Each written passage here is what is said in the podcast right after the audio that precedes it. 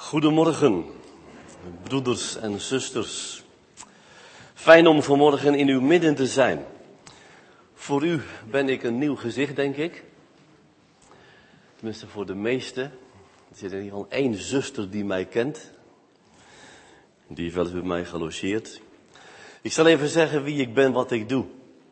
Mijn naam is Vochtelo, dat heb u al gelezen, denk ik, op het briefje. Ik ben uh, directeur van een christelijk vakantiehotel in Vierhouten. Het Vierhouterbos. Dus www.vierhouterbos.nl. Beetje sluikreclame mag wel, hè? Dacht ik ook. En wij hebben in dat uh, hotel hebben wij zo'n uh, 32 kamers, studio's, appartementjes. En wij organiseren daar allerlei bijbelstudieweekenden alleengaande weekenden, bijbelvakantieweken. Maar ook gewoon midweekvakantie, wandelweken, fietsweken, bustochtvakancieweken. En het doel van ons is om mensen daar vakantie te bieden met een stukje meerwaarde. En dat stukje meer zit hem dan inderdaad in het feit dat in ons huis dagelijks het woord geopend wordt. Dus wij geven daarin onze gasten wat extra mee. Er is op dit moment vanmorgen een dienst voor onze hotelgasten. Er is vanavond bijvoorbeeld een zangavond. Ik hou eens een paar keer in de week een dagsluiting. Er is ook wat ontspanning bij. Er een keer een filmavond of iets dergelijks. Maar in ieder geval alles wat daar gebeurt heeft als doel om ook het woord van de Heere God uit te dragen. Nou, daar ben ik inmiddels 26 jaar eh, directeur van. En daarnaast uh, ja, ga ik zondags veel uitspreken. Alle provincies van Nederland zo'n beetje. En uh, in het winterseizoen geef ik wat bijbelstudies in verschillende kerken en gemeenten in het land. En vanmorgen mag ik u hier dienen met het woord. Nou, fijn om in uw midden te zijn. Hele jonge gemeente, tenminste een hoop uh, jonge mensen. Dat maak je ook wel eens anders mee. Dat is wel een uh, voordeel, denk ik, als je als voorganger uh, zoveel jonge mensen hebt. Maar ook de ouderen zijn natuurlijk heel waardevol en kostbaar. Hè? En zo mag je samen uh, gemeente zijn. Wel, ik ben vanmorgen in uw midden om het woord met u te openen. En dat willen we doen bij de Efezebrief. Efeze, het eerste hoofdstuk.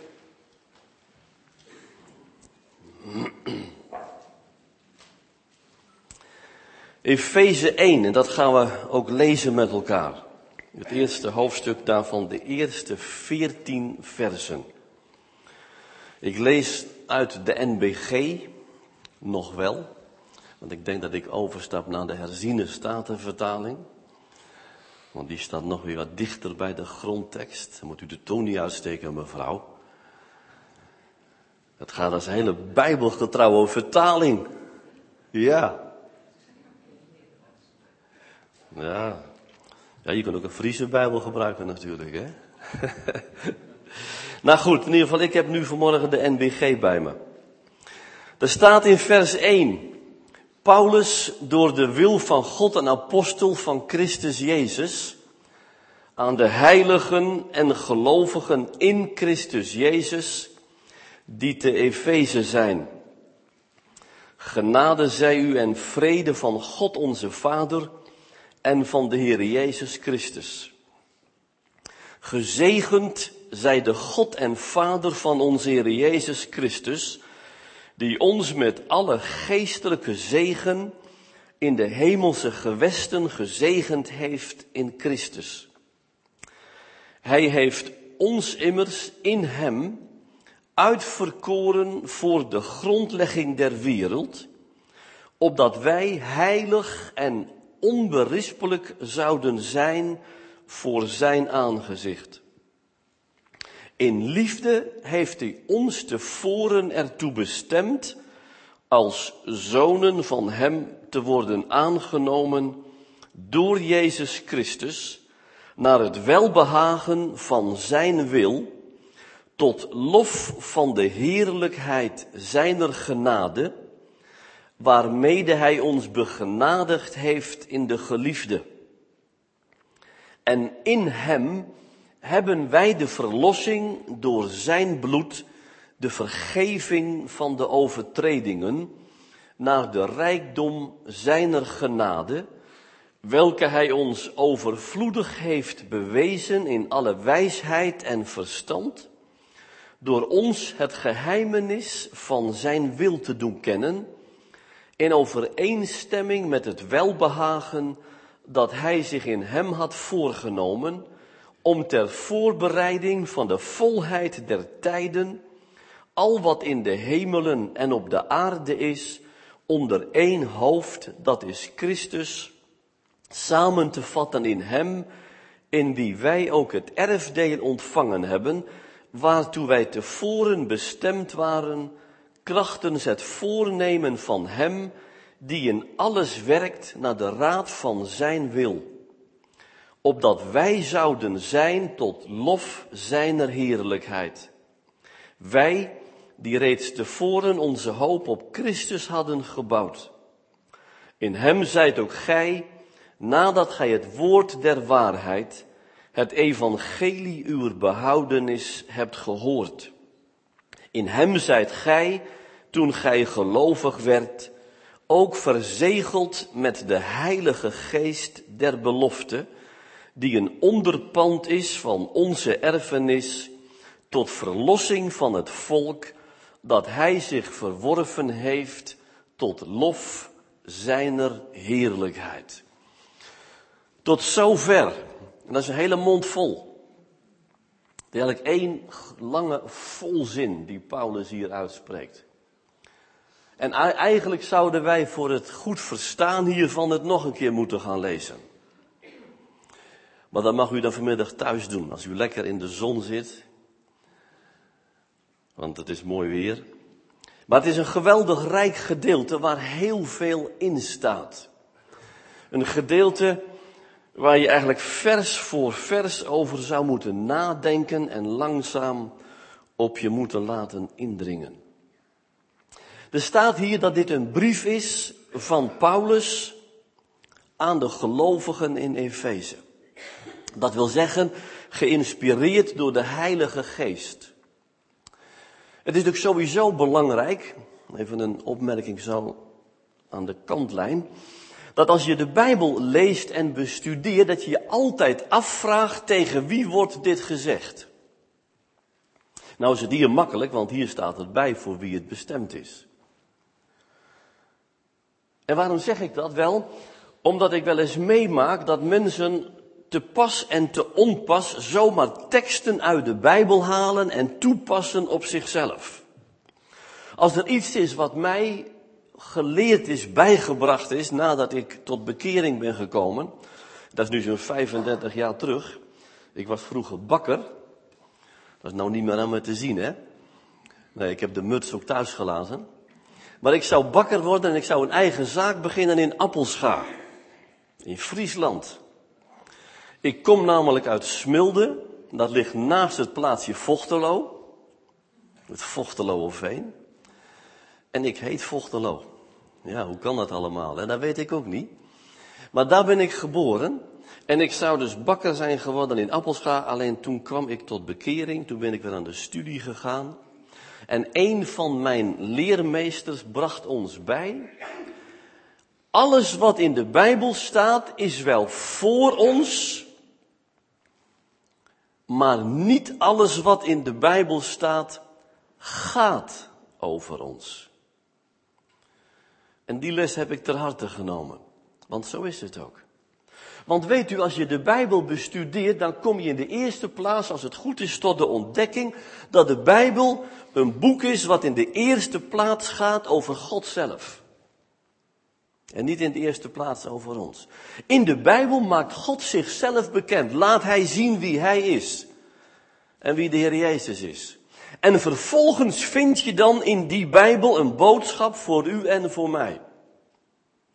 Alleen de Heere God die heeft in dat woord van Hem, als je dat gaat bestuderen vanaf het begin tot het eind, dan mag je daarin een plan van God ontdekken. En dan kom je tot de ontdekking dat dat plan van God bestaat in verschillende fasen. En zo heeft God bijvoorbeeld een plan met Israël. Gods oogappel. Uiteindelijk zijn uitverkoren volk. Maar God heeft ook een plan met de gemeente. Het lichaam van Christus, waar u en ik, als het goed is, deel van uitmaken. En daarna spreekt de Bijbel ook nog over de volkeren, de heidenen in deze wereld. Dus je zou kunnen zeggen, de Bijbel spreekt over drie groepen van mensen. Over Israël, over de gemeente en over de volkeren. Nou, zo zijn er dus dingen die God heel expliciet zegt tegen Israël. En dan kun je natuurlijk altijd een geestelijke les uithalen. Dat is ook het geweldige van de Bijbel. Ook die geschiedenissen, juist die geschiedenissen van Israël. Paulus zegt in de Korinthebrief, die zijn ons tot voorbeeld. Maar dan staat er nog iets achteraan. Die zijn ons tot voorbeeld, opdat gij geen lust tot het kwade hebt. Je zou dus kunnen zeggen, Israël is een verkeerd voorbeeld voor ons. Israël laat namelijk juist zien hoe het niet moet. Dat is wat Paulus eigenlijk zegt.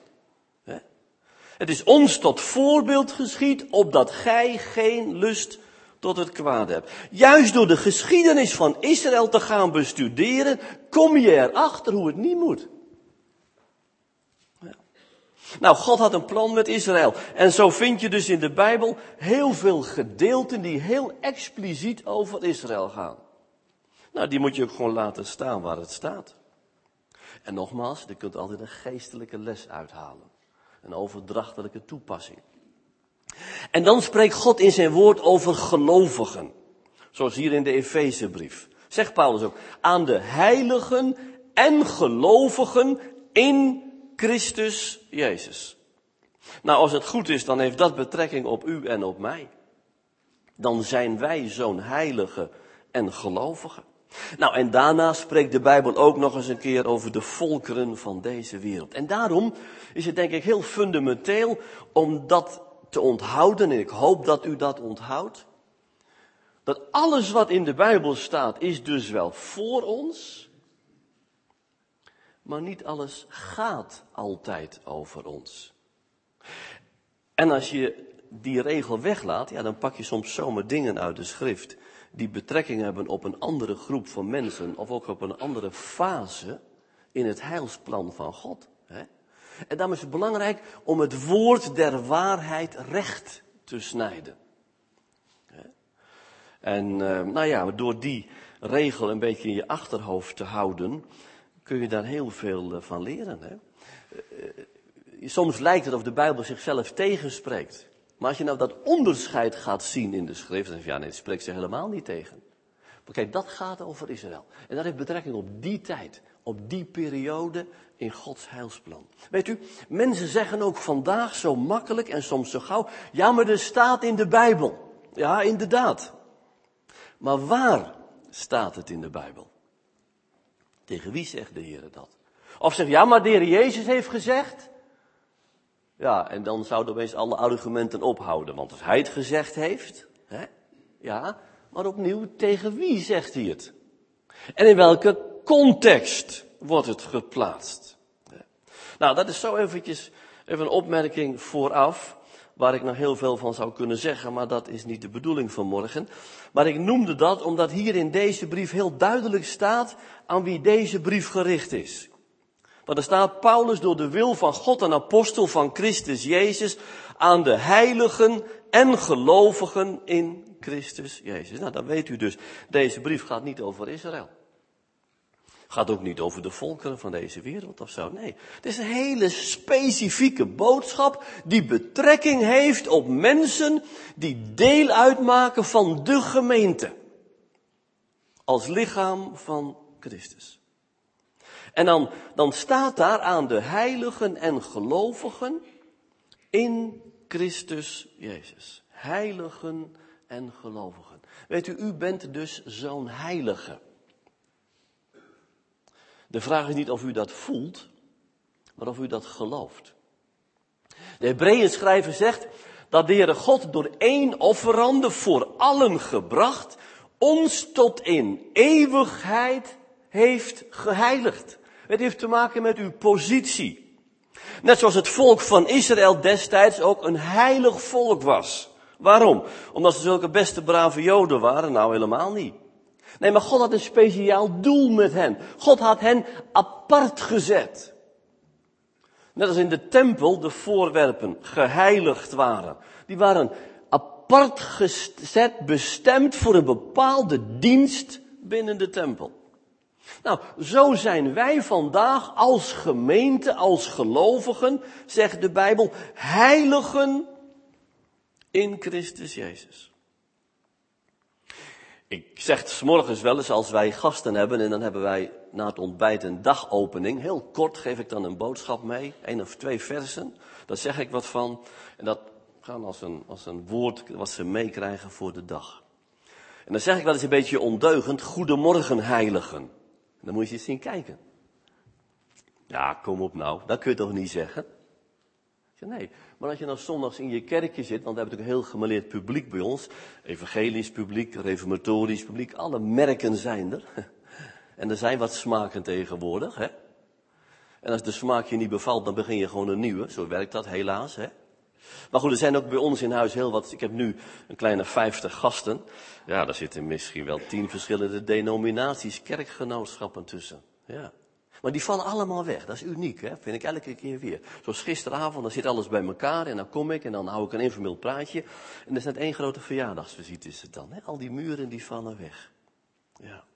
Nou, als ik dan wel eens aan het ontbijt zeg, goedemorgen heiligen. Dat doe ik eens een heel enkele keer, om te kijken hoe men reageert. En dan, um, dan kijk je verschrikt, weet je wel. Ja, maar als ik dat zeg, heb u er moeite mee. Maar als u nog zondag in uw kerkje zit, dan lezen ze voor, ik geloof in de gemeenschap der heiligen. Ja, en dan hebben ze er opeens geen moeite mee, hè? Nee. Het heeft alles te maken met je positie. En de Heere God heeft u en mij geheiligd in Christus Jezus. Dat is onze positie in Hem. Daar mag je in gaan staan. En dan mag je uit leven. Vervolgens staat hier dat hij zegt, heiligen en gelovigen in Christus Jezus. Is u dat wel eens opgevallen? Er staat heiligen en gelovigen in Christus Jezus. Niet zomaar in Jezus. Nee, in Christus Jezus. En als u nou de brieven van Paulus bestudeert, dan zal het u opvallen dat Paulus negen van de tien keer eerst de naam Christus noemt. En dan pas de naam Jezus. Christus Jezus. En die mensen in Efeze waren dus niet zomaar gelovigen. Nee, het waren heiligen en gelovigen in Christus Jezus. Eerst de naam Christus. Waarom? Wel, dat bepaalt ons bij de opgestane broeders en zusters. Ja. Want weet u, geloven in Jezus, nou, dat doet er een hoop mensen hier in Drachten hoor. Als u ook buren heeft die misschien niet naar de kerk gaan en u zegt, geloof je dat Jezus bestaan heeft, zullen ze helemaal geen moeite mee hebben. En als je ze vertelt dat hij aan een kruis is gehangen, dan geloven ze ook allemaal nog wel. Maar ga nou eens de vraag stellen, erken je hem als de Christus? Kijk, dan haken ze af. Dan haken ze af. En daarom, de apostel Paulus die legt de nadruk op Christus Jezus. En als heiligen en gelovigen samenkomen, dan komen ze dus samen bij de opgestane heiland. En als wij vanmorgen het woord openen, en dat hebben wij gedaan, dan, uh, dan moeten we dus niet naar het kruis zien, want het kruis is leeg. Dan moet je niet naar het graf zien, want het graf is leeg. Nee, dan mag je opzien naar de hemel, daar waar Christus is. En dan bedenken wij vanmorgen ook de dingen die boven zijn. Namelijk daar waar Christus is. De apostel Paulus zegt in Colossensen 2 vers 6. Nu gij Christus Jezus de Heere aanvaard hebt, wandelt in hem. Het gaat dus niet om de aanvaarding van Jezus, nee, het gaat om de aanvaarding van Christus Jezus. De opstanding is zo fundamenteel. Als we dat weglaten uit de Bijbel, en dat is de afgelopen weken ook menigmaal weer verkondigd, door allerlei moderne theologen, dat de opstanding een fabeltje is. Nou ja, als je dat weglaat, wat hou je dan? Hou je niks over. Ja, een dode Jezus. Daar heb je niks aan. Het gaat juist om de opstanding. En vandaar ook dat Paulus hier spreekt over Christus Jezus, broeders en zusters. En als wij dus samenkomen, dan komen wij samen rondom de opgestane heiland. Ja. En dan beleiden wij hem inderdaad als de Christus, de opgestane. En weet u, die, die mensen in Efeze, weet u, die, die, die woonden nog altijd in Efeze. Maar, maar in wezen waren door hun geloof, waren zij ja, in Christus, burgers van een rijk in de hemelen. En dat mogen ook wij zijn als wij Hem hebben leren kennen. Wij zijn met Hem gezet in het hemelse. Er staat dan verder in vers 3, we gaan zo even door dat gedeelte heen bladeren en we zien wel hoe ver we komen.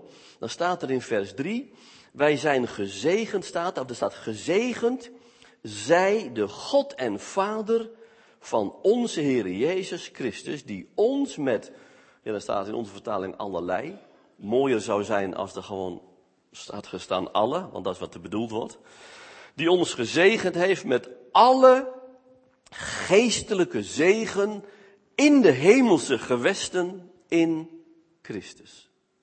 Opnieuw in Christus. Dus dat waren een, een, een lofprijs van Paulus. En geprezen zij de God en Vader van onze Heer Jezus Christus, die ons met alle geestelijke zegen in het hemelse gezegend heeft in Christus. U en ik. Wij zijn schatrijk. Wij hebben een geestelijk vermogen ontvangen. David zegt in Psalm 119, is het geloof ik, ik verblijd mij over uw woord als iemand die rijke buit vindt. Nou, dat mag het voor ons ook zijn. Die Bijbel mag voor u een schatkamer zijn. Daarin vind je een rijke buit. Daarin kom je tot de ontdekking dat je rijk gezegend bent in Hem. En als ik nou de microfoon zou pakken en ik zou door de rijen gaan, ik zal het niet doen. En ik zou u allemaal om de beurt vragen van noemt u nou eens zo'n zegening op. Zou u ze allemaal, allemaal weten dan? Nou, natuurlijk best een aantal. Was dat belangrijk? Was dat belangrijk voor ons dat wij weten welke zegeningen dat zijn? En hoe rijk je bent in Christus. Het is zo mooi dat er staat in de Romeinenbrief, u kent die tekst vast wel, dat Paulus zegt, hoe zal hij die zelf zijn enige geboren zoon niet gespaard, maar voor ons allen overgegeven heeft, ons met hem ook niet sommige dingen schenken? Dat is geweldig toch? Zegt u? Juist, alle dingen, ja. Alle dingen. Niet sommige dingen, alle dingen. U en ik, we hebben alles ontvangen door het geloof in de gekruisigde en de opgestane heiland. Mag ik u eens een verhaaltje vertellen? Er was eens een keer een hele rijke man, een rijke boer met heel veel bezittingen, veel grond, veel machines, prachtige boerderij. Hij was getrouwd en had een zoontje. En op zekere dag komt zijn vrouw en dat zoontje om bij een ongeluk. Nou, u kunt zich voorstellen dat die man in zak en as zat. Dat zal je maar gebeuren. De jaren verstrijken en er komt een dag dat de man denkt van ja, nou moet ik toch een testament maken. Want als ik er niet meer ben, wat gebeurt er met mijn bedrijf? Dus het alles vastgelegd bij de notaris en de dag komt dat hij zelf komt te overlijden. En de notaris die uh, maakt dat testament open en er staat dat er een openbare verkoping moet plaatsvinden.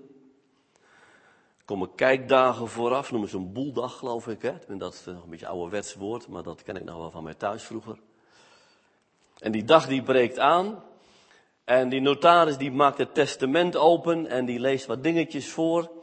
En zegt, nou nu gaan we beginnen met die verkoping. Hij zegt, dit is het eerste stuk wat verkocht moet worden. En hij laat een klein schilderijtje, houdt hij zo naar boven. Hij zei, dat is de wil van de boer geweest, dat dat gebeurde. Nou, een beetje een onnozel schilderijtje was het eigenlijk. Was eigenlijk niet iemand die een bot deed. Ja, hij zegt, anders kunnen we niet verder. En opeens achter in die zaal, daar zit een oude knecht die bij die man gewerkt had. En die herkent opeens in dat schilderijtje het zoontje van de baas. Jantje. Hey. En hij doet een bod. En de notaris zegt, eenmaal, andermaal, verkocht. Hij was de eigenaar. Artikel 2 van het testament. Degene die mijn zoon aanvaard heeft, ontvangt al het andere er gratis bij. Het is maar een verhaaltje. Maar dat is wat er gebeurd is, broeders en zusters. Toen die heilige God in de hemel zijn zoon zond naar deze wereld voor u en voor mij. En in uw en mijn plaats is gestorven aan dat vloekhout van Golgotha. En daarom kan Paulus inderdaad zeggen in de Romeinenbrief, hoe zal hij die zijn enig geboren zoon niet gespaard, maar voor ons allen overgegeven heeft, ons met hem ook niet alle dingen schenken. Alle dingen. En dat is wat Paulus ons hier probeert duidelijk te maken in de Efezebrief. Namelijk dat als wij Christus Jezus de Heere aanvaard hebben, dat wij gezegend zijn met alle geestelijke zegeningen. En het mag voor mij een uitdaging zijn om steeds weer in dat woord van God ja, te studeren, om te ontdekken hoe rijk ik ben in Christus. Alles hebben wij ontvangen in Hem. Ja. En Paulus die spreekt hier over geestelijke zegeningen. En geestelijke zegeningen die kun je niet zien. Die kun je niet voelen en die kun je niet betasten. Die kun je alleen maar met het geloofsoog waarnemen. En daarvoor heb je nodig, wat u vorige week in uw preek aanhaalde, dat je verlichte ogen van het hart moet hebben. Want daar sprak u over. Toen ik vanmorgen een klein stukje afluisterde. Van wat is dat voor gemeente hier, hè? Ja. En toen haalde u dat aan. Dat gebed van Paulus. En dat is een geweldig gebed. En als er iets nodig is in onze tijd, dan is het inderdaad dat gebed, broeders en zusters. Want weet u, als ik u nu vraag, noem eens een gebed in de Bijbel. Negen van de tien keer hoor je het Onze Vader. Het hoge priesterlijk gebed. Noem er nog eens een. Ja, best, ja. Dat is ook een, die, die wil er ook altijd in, ja. Ja, ja. Maar waar zijn nou de gebeden van Paulus dan? Daar hoor je nooit iemand over. Of nooit. Een beetje zwart-wit misschien. Maar ik maak het weinig mee. Ja, Paulus die heeft dat gebeden. En dat zijn nou juist gebeden die betrekking hebben op de gemeente. Als lichaam van Christus. Nou, in Efeze 2, en dan maken we even een sprongetje, we komen vanzelf weer terug misschien bij Efeze 1. Want, uh, of Efeze 1 vers 15, dat onze broeder vorige week aanhaalde. Dan zegt hij, daarom houd ook ik gehoord hebbende van uw geloof in de Heere Jezus en van uw liefde tot al de heiligen niet op te danken, u gedenkende bij mijn gebeden. Dus dit is een gebed van Paulus, betrekking hebbende op de gemeente, namelijk die heiligen en gelovigen waar hij over spreekt. En wat bidt hij dan? Wel zegt hij, opdat de God van onze Heer Jezus Christus, de Vader der heerlijkheid, u geven geest van wijsheid, van openbaring, om Hem recht te kennen. Daar gaat het om. Dus als er nou één gebed is wat vandaag belangrijk is, dan is het in ieder geval dit gebed. En dan staan er nog een stuk of vier hier in de Efezebrief, gebeden van Paulus. Weet u, het Onze Vader is een geweldig gebed. Er is niks mis mee. Maar het is een gebed wat de Heer in de eerste plaats leerde aan zijn discipelen. En wat ook eigenlijk het koninkrijksgebed is. En wat ook betrekking heeft eigenlijk op de tijd die nog gaat komen straks in de toekomst. Als hij inderdaad dat koninkrijk voor Israël zal oprichten. U mag dat vandaag best bidden, daar gaat het niet om. Maar, maar als het gaat, waar gaat het nou werkelijk om? Heeft het betrekking op die periode. En hier spreekt Paulus inderdaad over een gebed voor de gemeente. Nou, dan moet je eens kijken, wat zegt hij? Dat is mooi, hè? Hij zegt, daarom houd ook ik gehoord hebbende van uw geloof. Paulus zit in de gevangenis. En in die gevangenis heeft hij gehoord van het geloof van die mensen in Efeze. Er ging een getuigenis vanuit. Wat zou het mooi zijn als in drachten ook van deze gemeente dat getuigenis naar buiten gaat van, joh, dat zijn mensen, ja, die zijn niet beter als andere mensen, maar ze zijn anders. Omdat ze Christus hebben leren kennen. En dat zijn mensen die beleiden de gekruisigde en de opgestane heiland. Dat ze horen van uw geloof. En als je, als je nou van elkaar weet dat je gelovige bent, dan mag je dus God danken voor elkaar. Als ik hier nou hier sta en ik zie u, en ik hoop dat ik ervan uit mag gaan dat u zich allemaal het eigendom van de Heer Jezus weet, dan kan ik dus God danken voor u. Voor het feit dat u een gelovige bent. Ja. En dat niet alleen staat er. Hij heeft van hun geloof in de Heer Jezus gehoord en staat er, en van uw liefde tot sommige heiligen. Dat is ook zo mooi. En van uw liefde tot sommige heiligen, zegt Paulus. Ja, hou mij in de gaten hoor.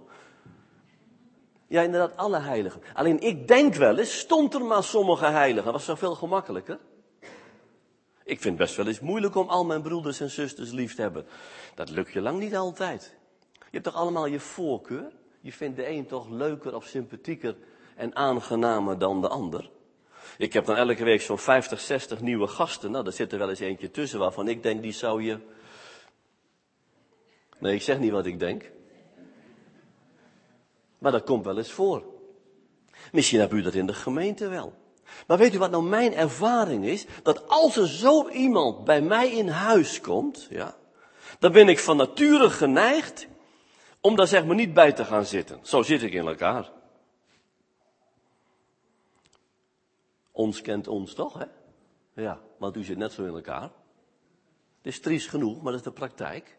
Maar weet u, als dat nou eens gebeurt, dan ga ik op mijn knieën en dan zeg ik, Heer God, geeft u mij nou maar deze week genade en liefde om juist die man of die vrouw extra lief te hebben. En het werkt, broeders en zusters. Het werkt. Want weet u, als Paulus hier zegt, dat hij hun dankt voor hun geloof en hun liefde tot al de heiligen, dan kan dat, want u en ik, wij hebben namelijk het potentieel in ons om iedereen lief te hebben. Niet in eigen kracht, maar in de kracht van de Heer. Want wat leert de Romeinenbrief, het vijfde hoofdstuk? Dat God zijn liefde in mijn hart heeft uitgestort. Nou, als dat nou zo is, en dat is zo, kan ik dus ook de ander lief hebben. Daardoor kun je ook de ander uitnemender achten dan jezelf. Dat kun je niet vanuit jezelf, nee, maar wel door de liefde van de Heer. En zo mag je daar biddend mee bezig zijn. En Paulus die dankt God voor hun geloof en voor hun liefde.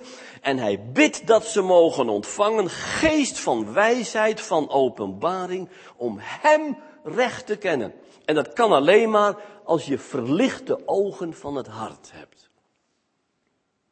En dat wil de Heer ons geven. Verlichte ogen van het hart. Geestelijk inzicht. Onderscheidingsvermogen. Waardoor je het woord der waarheid recht leert snijden.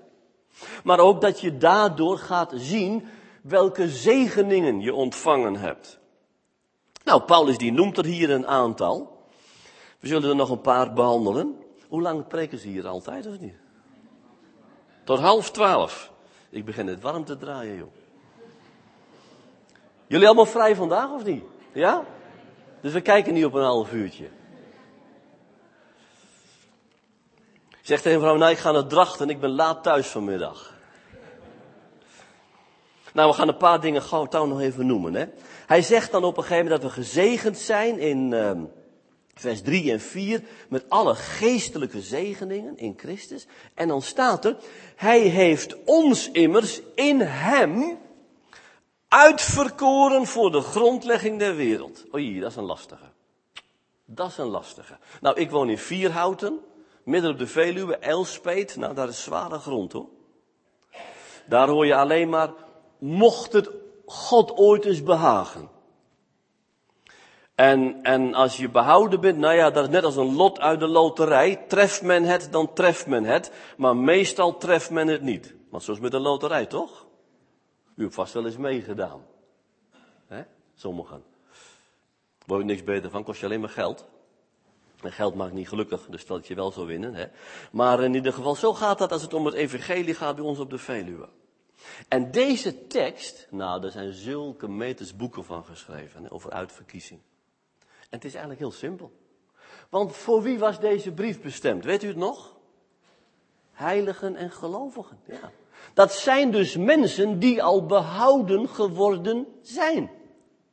En van die mensen zegt Paulus dat ze uitverkoren zijn. Niet om behouden te worden, want dat waren ze al. Maar om heilig en onberispelijk te zijn voor zijn aangezicht. Kijk, dat is heel wat anders. Denk je, wat geweldig is dat. Dat de Bijbel mij leert. Dat ik, nadat ik Christus aanvaard heb. En een heilige en gelovige ben geworden. Dat God mij als gelovige heeft uitverkoren. Om wat? Wel, om heilig, om onberispelijk te zijn voor zijn aangezicht. Dat is Gods plan. Met u, met mij. Die heilige God heeft in de beginloze eeuwigheid een plan gemaakt. En wij als gemeente maken onderdeel uit van dat plan. En voor u en mij is dat dan dat wij heilig en onberispelijk zouden zijn voor zijn aangezicht. Ja, nu al, vandaag. Door het geloof. Dus dat betekent heel concreet dat wij elkaar dus ook in Christus mogen zien. En dan kun je inderdaad ook de ander uitnemen erachter dan jezelf. Kijk, als ik s morgens opsta en ik kijk in de spiegel van de badkamer, zie ik nog altijd een oude mens. Ja, niet omdat ik een grijze kop heb of zo, maar gewoon mijn oude mens, hè, mijn vlees. En die oude mens, die kan maar één ding. En dat is zondigen. Kan maar één ding, dat is zondigen. En dat is het, die ik ellendig mens van Romeinen 7, weet u wel wat Paulus zegt. Ik ellendig mens, wie kan mij verlossen? Paulus die spreekt in Romeinen 7 28 keer over het woordje ik. 28 keer. Ik als een aanduiding voor die oude mens. En Paulus die zou zo graag God willen behagen, maar het lukt hem niet. Het breekt hem bij de handen af. Want zegt hij, als ik het goede wil doen, is het kwade mij nabij. Nou, dat ken ik. Dat heb ik ook. En dan komt hij tot die wanhoopskreet. En dan zegt hij, wie kan mij verlossen uit het lichaam deze doods? En dan komt de jubel, Gode zij dank. Door Christus Jezus ons. Er maar één iemand die ons kan verlossen. Dat is de Heer Jezus Christus. En dan mag je weten dat die oude mens met Christus gestorven is.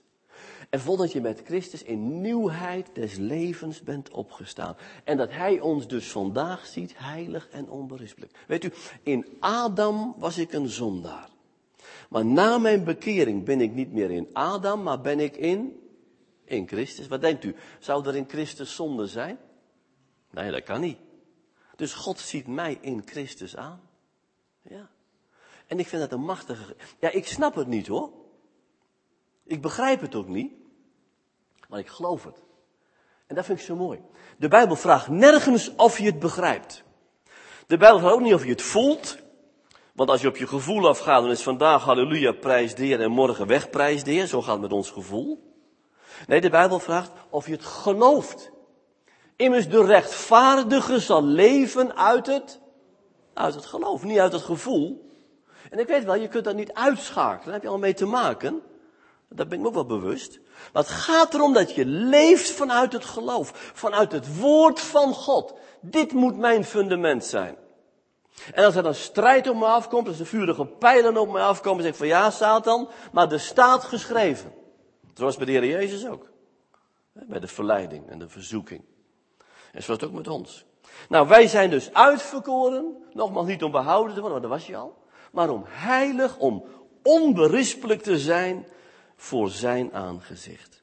Dan staat er in liefde heeft hij ons tevoren ertoe bestemd als zonen van hem te worden aangenomen door Jezus Christus naar het welbehagen van zijn wil, vers 6. Mooi hè? God heeft daar behagen in gehad. God heeft daar plezier in gehad. God heeft daar genoegen in gehad. Om ons daartoe voor te bestemmen. En om aangenomen te worden als zonen Gods. Daar spreekt Paulus ook over in de Romeinenbrief. Hè? En er komt een dag, en wat een dag zal dat zijn, zong Esther Tims vroeger al, hè? maar dat wij als gemeente, als zonen Gods worden voorgesteld. Oude broeder Kits, ja, er zullen nog wat ouderen in ons midden zijn die hem nog kennen. Oude broeder Jan Kits, die heb ik ooit horen preken. En die zei, de gemeente is het tentoonstellingsvoorwerp van Gods genade. Ik vind, die wil ik onthouden. De gemeente is het tentoonstellingsvoorwerp van Gods genade. In de gemeente als lichaam van Christus wordt straks de genade van God tentoongesteld. En dat zal zijn tot lof en tot heerlijkheid, niet van u, maar van Hem. Daar gaat het om. Om Zijn genade te verheerlijken. Dan staat er vers 7, waarmee Hij ons begenadigd heeft in de geliefde. Mooi is dat, hè? Wij zijn begenadigd in de geliefde. En de geliefde is de zoon. Immers, deze is mijn zoon, de geliefde, in wie ik mijn welbehagen. En God heeft ons in hem begenadigd.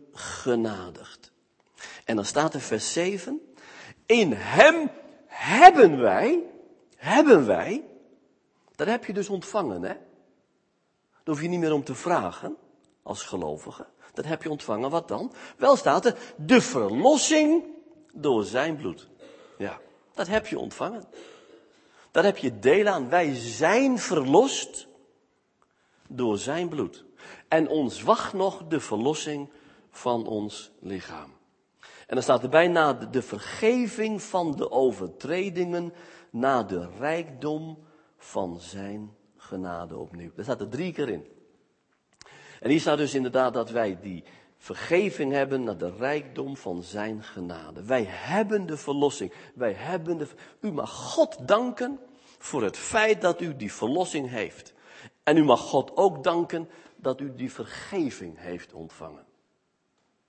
Weet u, er zijn mensen die bidden altijd, och Heer, wees mij zon, wilt u mij genadiglijk vergeven? Ja, maar die zegt, ik heb het al gedaan. Ik heb het al gedaan. Moet u zich voorstellen dat u met thuis komt en u hebt kinderen en uw kindje doet wat fout. En zegt van jongen, deug niet, moet je niet weer doen, maar papa heeft je vergeven. En een uur later loopt u nog te pruilen in de tuin. Zegt, wat is aan de hand? Nou, papa is boos op mij. Nee, ik heb je toch vergeven? Nou, zo is het eigenlijk ook met, met de geestelijke dingen. Wij hebben de vergeving. En ik mag elke dag leven vanuit die vergeven. Kijk, dat geeft ook dankbaarheid in je leven. Ik mag God danken voor de vergeving, voor het feit dat Hij mij in Christus aanziet. En dan, uh, ja, er staat nog heel veel. Uh, maar dan staat er ook nog eventjes, slaan we een stukje over.